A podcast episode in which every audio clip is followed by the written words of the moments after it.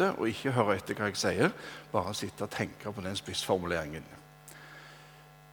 Derfor så um, skal jeg fortelle litt hvorfor jeg har satt en sånn spissformulering. Kjærlighet. Det var en som sa det motsatte av kjærlighet er likegyldighet. Vi tenker ofte det motsatte av kjærlighet, det er hat. Men det motsatte av kjærlighet, det er djupest sett likegyldighet.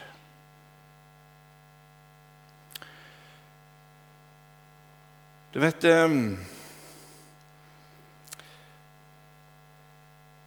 Når eh, du som far opplever at en av ungene kommer bort til deg og sier 'Jeg er glad i deg',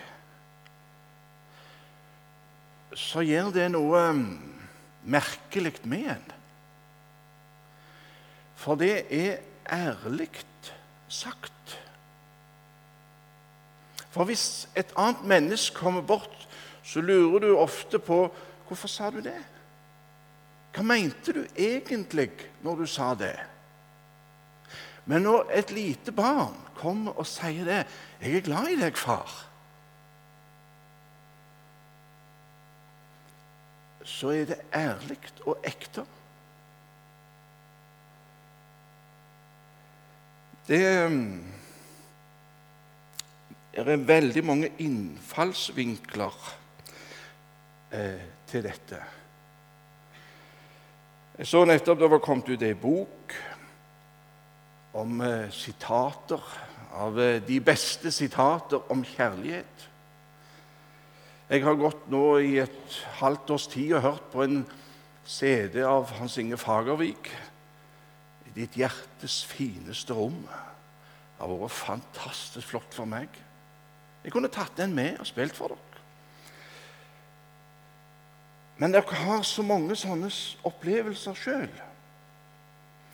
Noe som, eh, som, du bærer på, som, eh, som, gir deg eh, på en måte lys over, og, og, og et hold i ordet kjærlighet og i begrepet kjærlighet.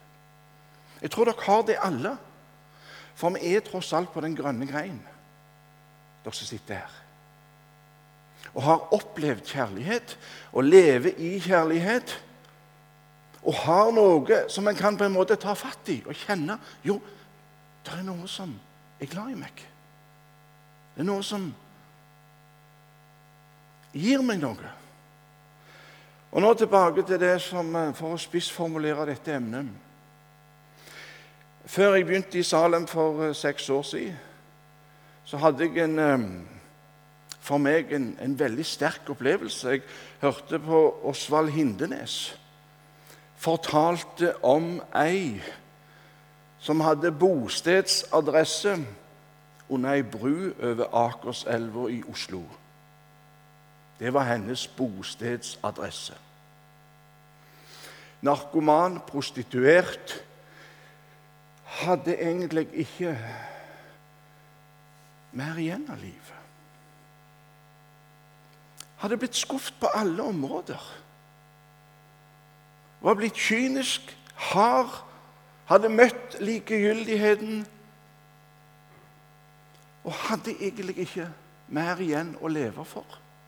Og Måten han klarte å beskrive det mennesket, det, det gjorde noe med meg som jeg Jeg kan ikke formidle det til dere, men det var en fantastisk sterk opplevelse. Men hun hadde noe igjen og det var det som var så ubegripelig sterkt. For det hun hadde igjen, det var egentlig bare litt av ei sangstrofe som hun sikkert hadde lært en gang når hun var ei lita jente og livet lå lyst for henne. Hun hadde en god heim og var elska, kanskje, osv. Og, og så gikk det noe gale. Og så var det noe igjen. Og det var bare dette Guds kjærlighet er langt, langt større. Det gjorde noe så vanvittig sterkt med meg sjøl. et liv uten Jesus er et liv uten kjærlighet. Jo da, dere sitter med noen håndgripelige festepunkter alle sammen, og det gjør jeg òg. Vi er ikke kommet så langt at en har mistet alt i livet. Men hun som hadde mistet alt, hadde egentlig alt igjen. En kan miste alt og likevel ha alt igjen. En kan ha alt og ha likevel miste alt. Og ikke ha Jesus gir det så meningsløst. Denne teksten fra første Korinterbrev, et helt kapittel, den står midt inne i tjenesten. Den står midt inne i Den hellige ånds gjerning. Nådegavene om Åndens utrustning og gaver. Og mange har lurt på hvorfor var det feil plassert. Skulle liksom kapittel 12 og 14, og så kommer kapittel 13 og snakker liksom om noe helt annet. Men det vet en. Jeg skal ikke ha studert mye i Guds ord før en ser at tjeneste uten å ha det rette sinnelag behager ikke Gud. Når så vi ikke at du var naken, du var fattig, du var sulten, du var sjuk, og tjente deg ikke, sa noen slik som Matteus forteller det i det 25. kapittelet. Det dere ikke har gjort imot en av mine minste, har dere heller ikke gjort mot meg. Og så sa han til de andre dere har gjort det. Når tid så vi dette? Fordi dere har gjort dette, ikke for å få, men fordi dere har fått. Og Derfor er et liv uten Jesus egentlig et liv uten kjærlighet, uten noe som helst gagn i hvis en skal tjene for å få. En kan gjøre fantastisk mye flott. Og bli respektert i alle leirer. Men Gud ser etter noe helt annet. En kan ha alt og likevel ha mista alt. En kan ha mista alt og likevel ha alt å være den rikeste i verden. Kapittel 13, første Korinterbrev. Om jeg taler med menneskers og englers tunger, men ikke har kjærlighet, da er jeg en lydende malm eller en klingende bjelle. Om jeg har profetisk gave, kjenner alle hemmeligheter og all kunnskap, og om jeg har all tro, så jeg kan flytte fjell, men ikke har kjærlighet, da er jeg intet. Og om jeg gir alt det jeg eier, til mat for de fattige, om jeg gir mitt legeme til å brennes, men ikke har kjærlighet, da gagner det meg intet. Kjærligheten er tålmodig, er velvillig. Kjærligheten misunner ikke, kjærligheten skryter ikke. Den blåser seg ikke opp, den gjør ikke noe usømmelig, søker ikke sitt eget, blir ikke bitter, gjemmer ikke på det onde. Den gleder seg ikke over urett, men gleder seg ved sannhet. Den utholder alt, tror alt, håper alt, tåler alt. Kjærligheten faller aldri bort. Men om det er profetiske gaver, da skal de få ende. Eller det er tunger, skal de opphøre. Eller om det er kunnskap, skal den ta slutt. For vi forstår stykkevis, og vi taler profetisk stykkevis. Men når det fullkomne kommer, da skal det som er stykkevis, få ende. Da jeg var barn, talte jeg som et barn, tenkte jeg som et barn, dømte jeg som et barn. Men da jeg ble mann, la jeg av det barnslige. For nå ser vi som i et speil, i en gåte. Men da skal vi se ansikt til ansikt. Nå kjenner jeg stykkevis, Men da skal jeg kjenne fullt ut, liksom jeg selv er fullt ut kjent. Men nå blir de stående, disse tre, tro, håp og kjærlighet. Men størst blant dem er kjærligheten. Amen.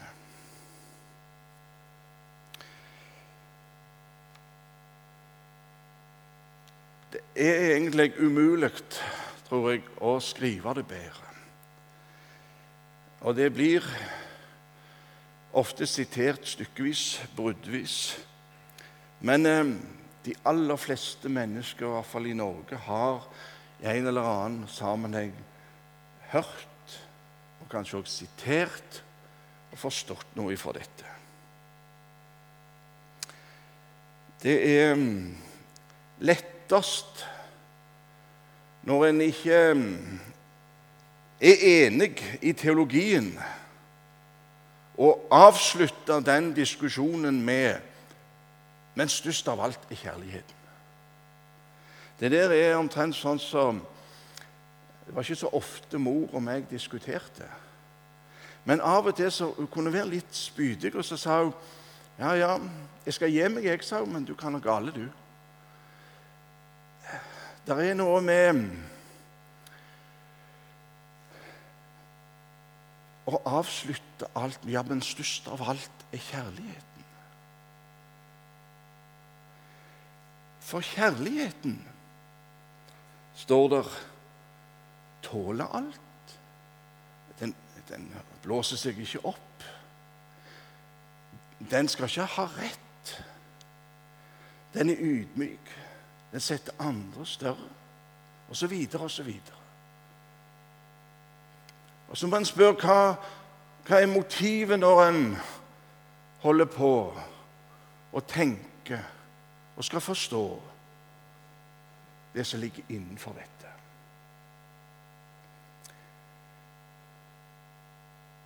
Jeg tror det kanskje bare må forstås som noe av det flotteste og beste som er skrevet, uten å prøve å kludre det til. Men det som har slått meg når jeg har sittet med dette skal vi se på dette som eh, noe som er oppnåelig? Eller skal vi se på det som noe som egentlig er uoppnåelig? Eller skal vi legge oss midt imellom der og så gjøre så godt vi kan?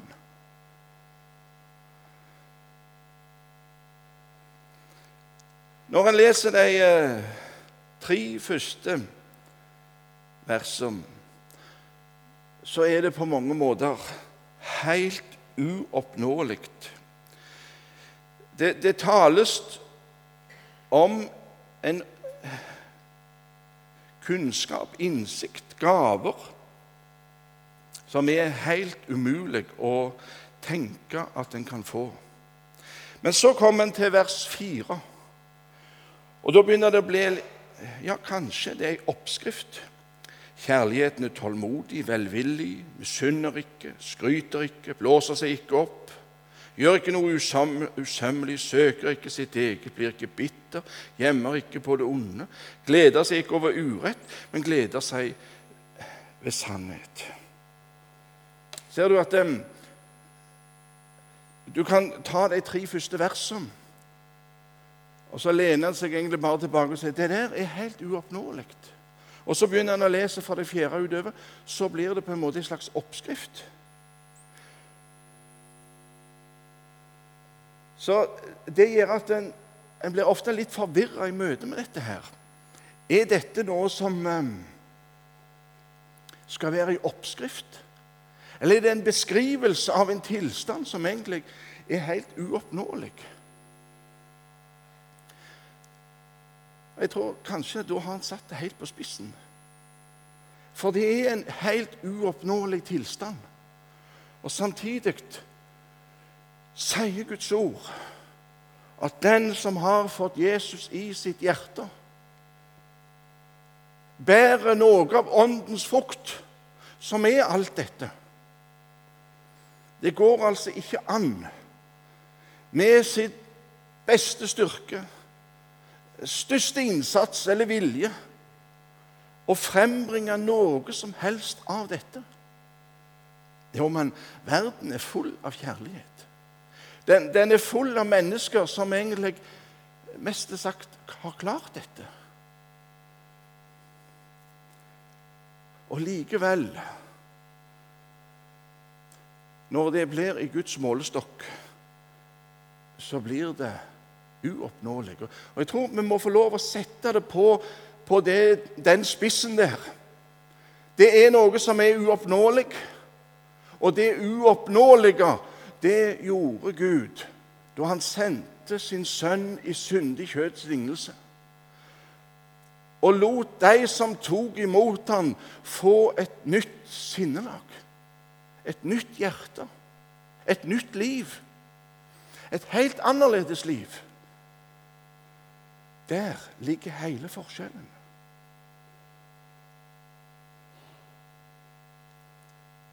Og Derfor så blir det så forvirrende. Det, eh, oppskrift for et liv.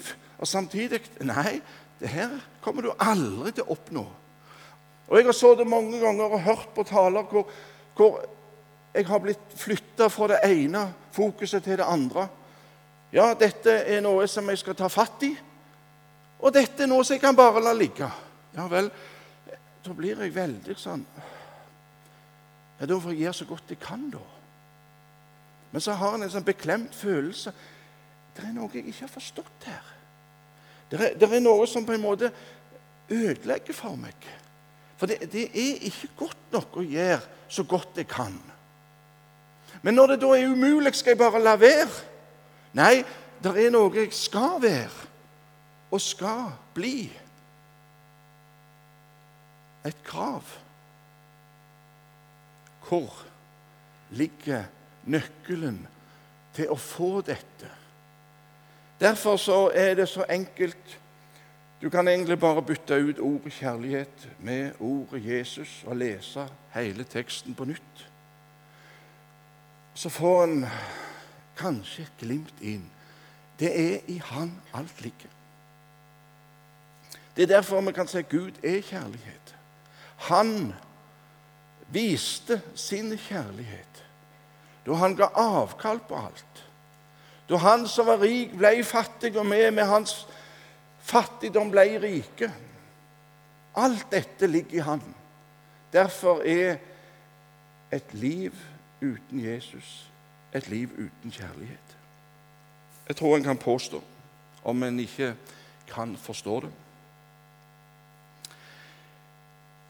Det var en som sa det slik Jeg tror ikke på helliggjørelsen, men jeg tror på en helliggjører. Det er noe å ta med seg og tenke litt nærmere etterpå. For den som liker sånne setter det litt sånn tankemessig på spissen. For det å si bare rett ut på et vitnemøte 'Jeg tror ikke på helliggjørelsen' Da blir det mange som blir i hvert fall forvetne og hører etter. For helliggjørelsen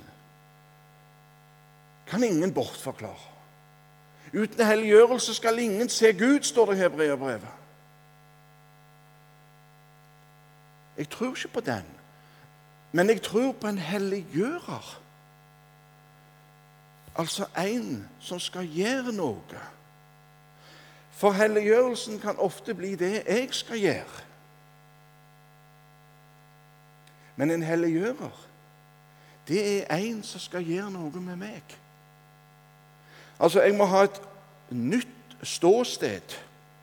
Jeg må få del i guddommelig natur, som Peter skriver. Når han skal forklare dette i sitt andre brev, så sier han å få del i guddommelig natur. For da har du på en måte lagt lista så høyt at da vet en det der kan jeg ikke gå og kjøpe noen plass. Det er ikke noe fakultet som klarer å undervise meg fram til guddommelig natur. Da må det bli en eh, healer eller en eh, som kan best sagt eh, gi meg det. Og, og, og så blir en søker av det overnaturlige. Og en kan holde på så lenge en bare vil. Du kommer aldri til å få del i guddommelig natur på den måten der. Det var en historie for noen år siden om ei dansk eh, husmor som egentlig solgte alt. For hun hadde hørt om at i Sør-Amerika, i Peru, der var det et kloster. Der kunne du få svar på de spørsmål som hun sleit med i livet. Hun reiste der. Det reiste ifra alt sammen og reiste ned der. Men hun fant ingen. Og reiste rundt på der det skulle være, og fant ingenting av dette som var lovt. En dag så kom hun inn på en av misjonsstasjonene til NLM der ute og var litt forkommen. Og de tok seg av henne og forklarte du det der som du har lest i den boka der. Det er bare reinspikka tull. Det fins ikke noe sånt her i dette landet. Og så prøvde de å forklare henne om det budskapet de egentlig var sendt ut der for å fortelle. Det gikk ikke inn. Hun tok ikke imot, hun forsto det ikke. Men en dag fortaltes det når alle var reist vekk, så satt hun igjen alene og leste i andagsboka Carl Fredrik Wisløff. Og så fikk hun del i guddommelig natur.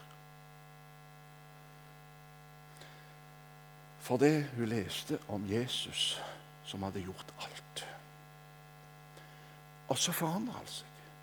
Så, så flytter hun altså fra det ene ståstedet til det andre. I et nu.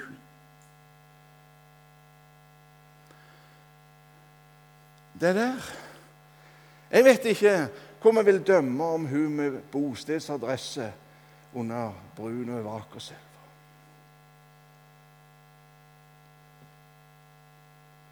Hva hadde du? Guds kjærlighet er langt, langt større. Hva hadde du?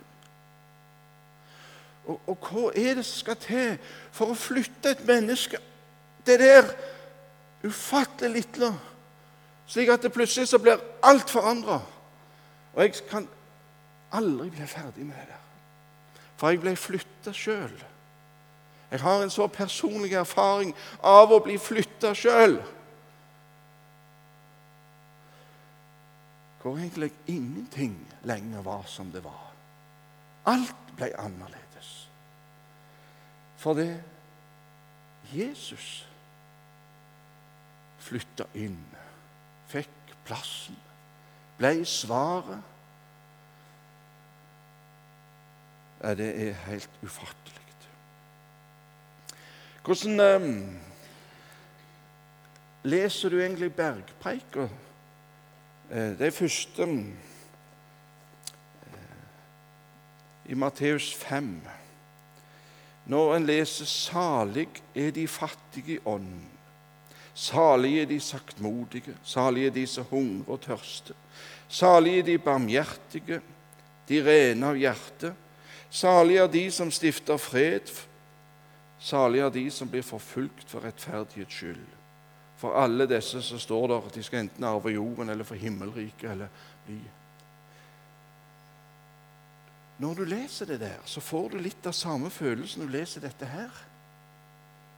Det er uoppnåelig. Men det står der som noe jeg skal streve etter. Skal jeg da legge meg bare midt imellom og gjøre så godt jeg kan? Da vil du sitte hele livet med en følelse av Det der kommer ikke til å holde. Og gjør så godt jeg kan. Hvordan skal jeg få del i guddommelig natur? Det, kravet blir så det blir sånn at du, du frykter for å lese det. Det må jeg bare si. Jeg sa jeg, jeg flytta ståsted, og så halleluja ble alt i orden etterpå. Nei. Jeg syns det er litt skremmende å lese bergpreika. Det, det, er litt skremmende å lese dette. For på en måte så, så, så fører det meg enda en gang opp på det der paradokset. Er det rett, eller er det ikke rett? Hvor er jeg henne? Hvor står jeg nå? Og så må du på en måte gjennom alt dette bare gripe og si størst av alt er Jesus. Han er kjærlighet. Han kom med kjærlighet. Og han tar imot alle uten noen forskjell. Paulus skriver litt om et speil. Men nå ser vi som i et speil i en gåte. Og det der med, med speilet, det er vi, vi har alle og vet alle hvordan det der virker, men vi tenker sjelden over at speilet viser alltid en som er annerledes. Uansett. Så når jeg ser i speilet, så er den jeg ser der, akkurat motsatt av det jeg er.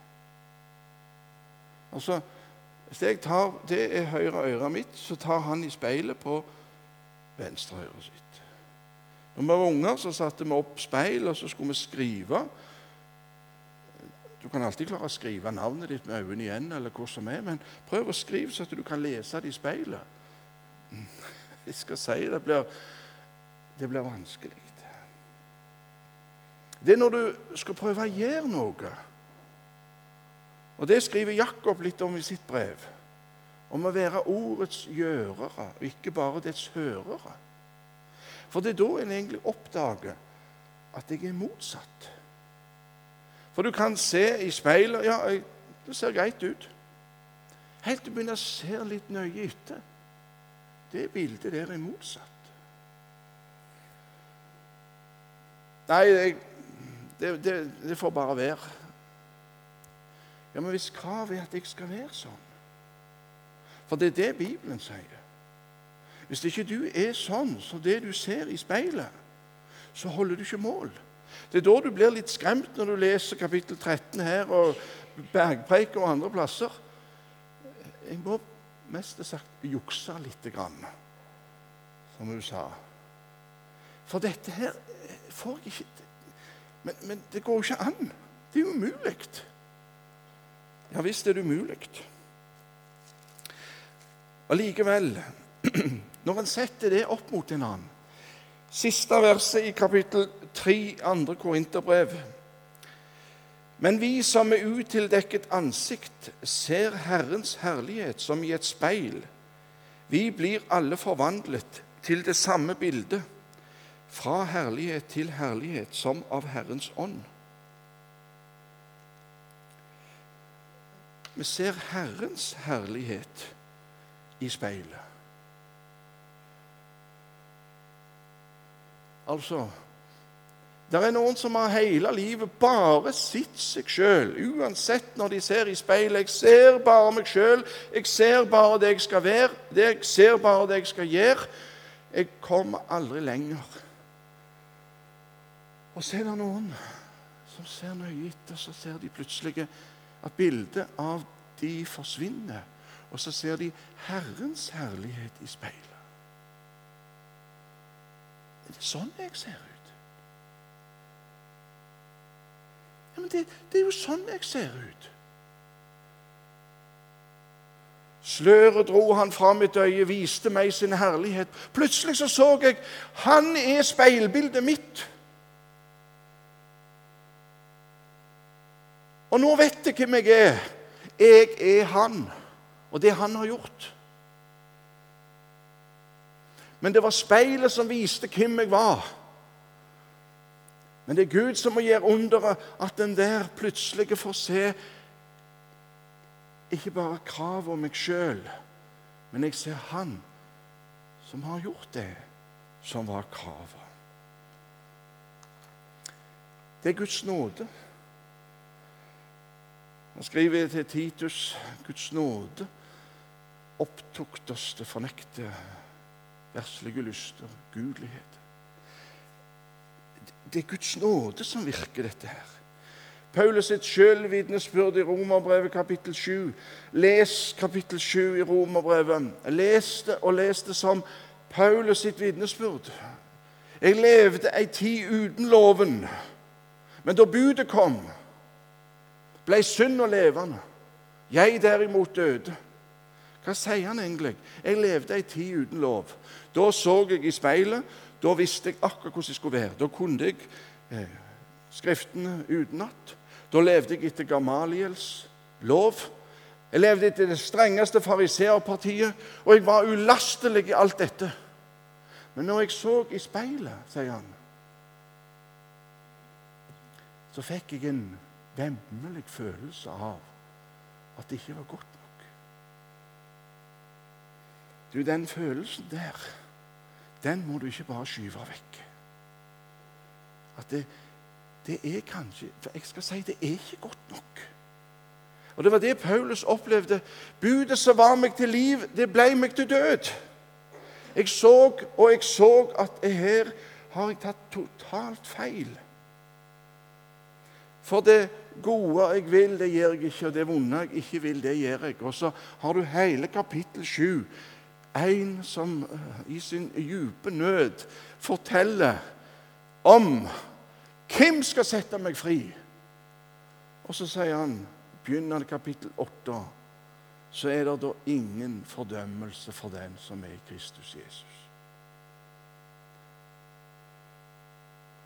Han har flytta over. Han har sett inn i frihetens lov, sett inn i speilet, der han alltid så seg sjøl, så kravet, det som skulle vært. Jeg ser jo han. Og nå er jeg fri.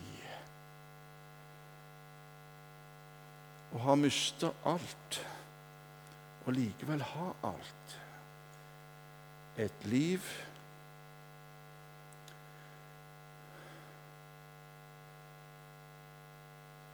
Eller et liv med Jesus. Vi har ufattelig mye vi kan støtte oss til av alt. Men det er noe merkelig når jeg kjenner Hva er det som skal holde til slutt? Og det der må du ikke gi deg før det blir han som er ditt bilde.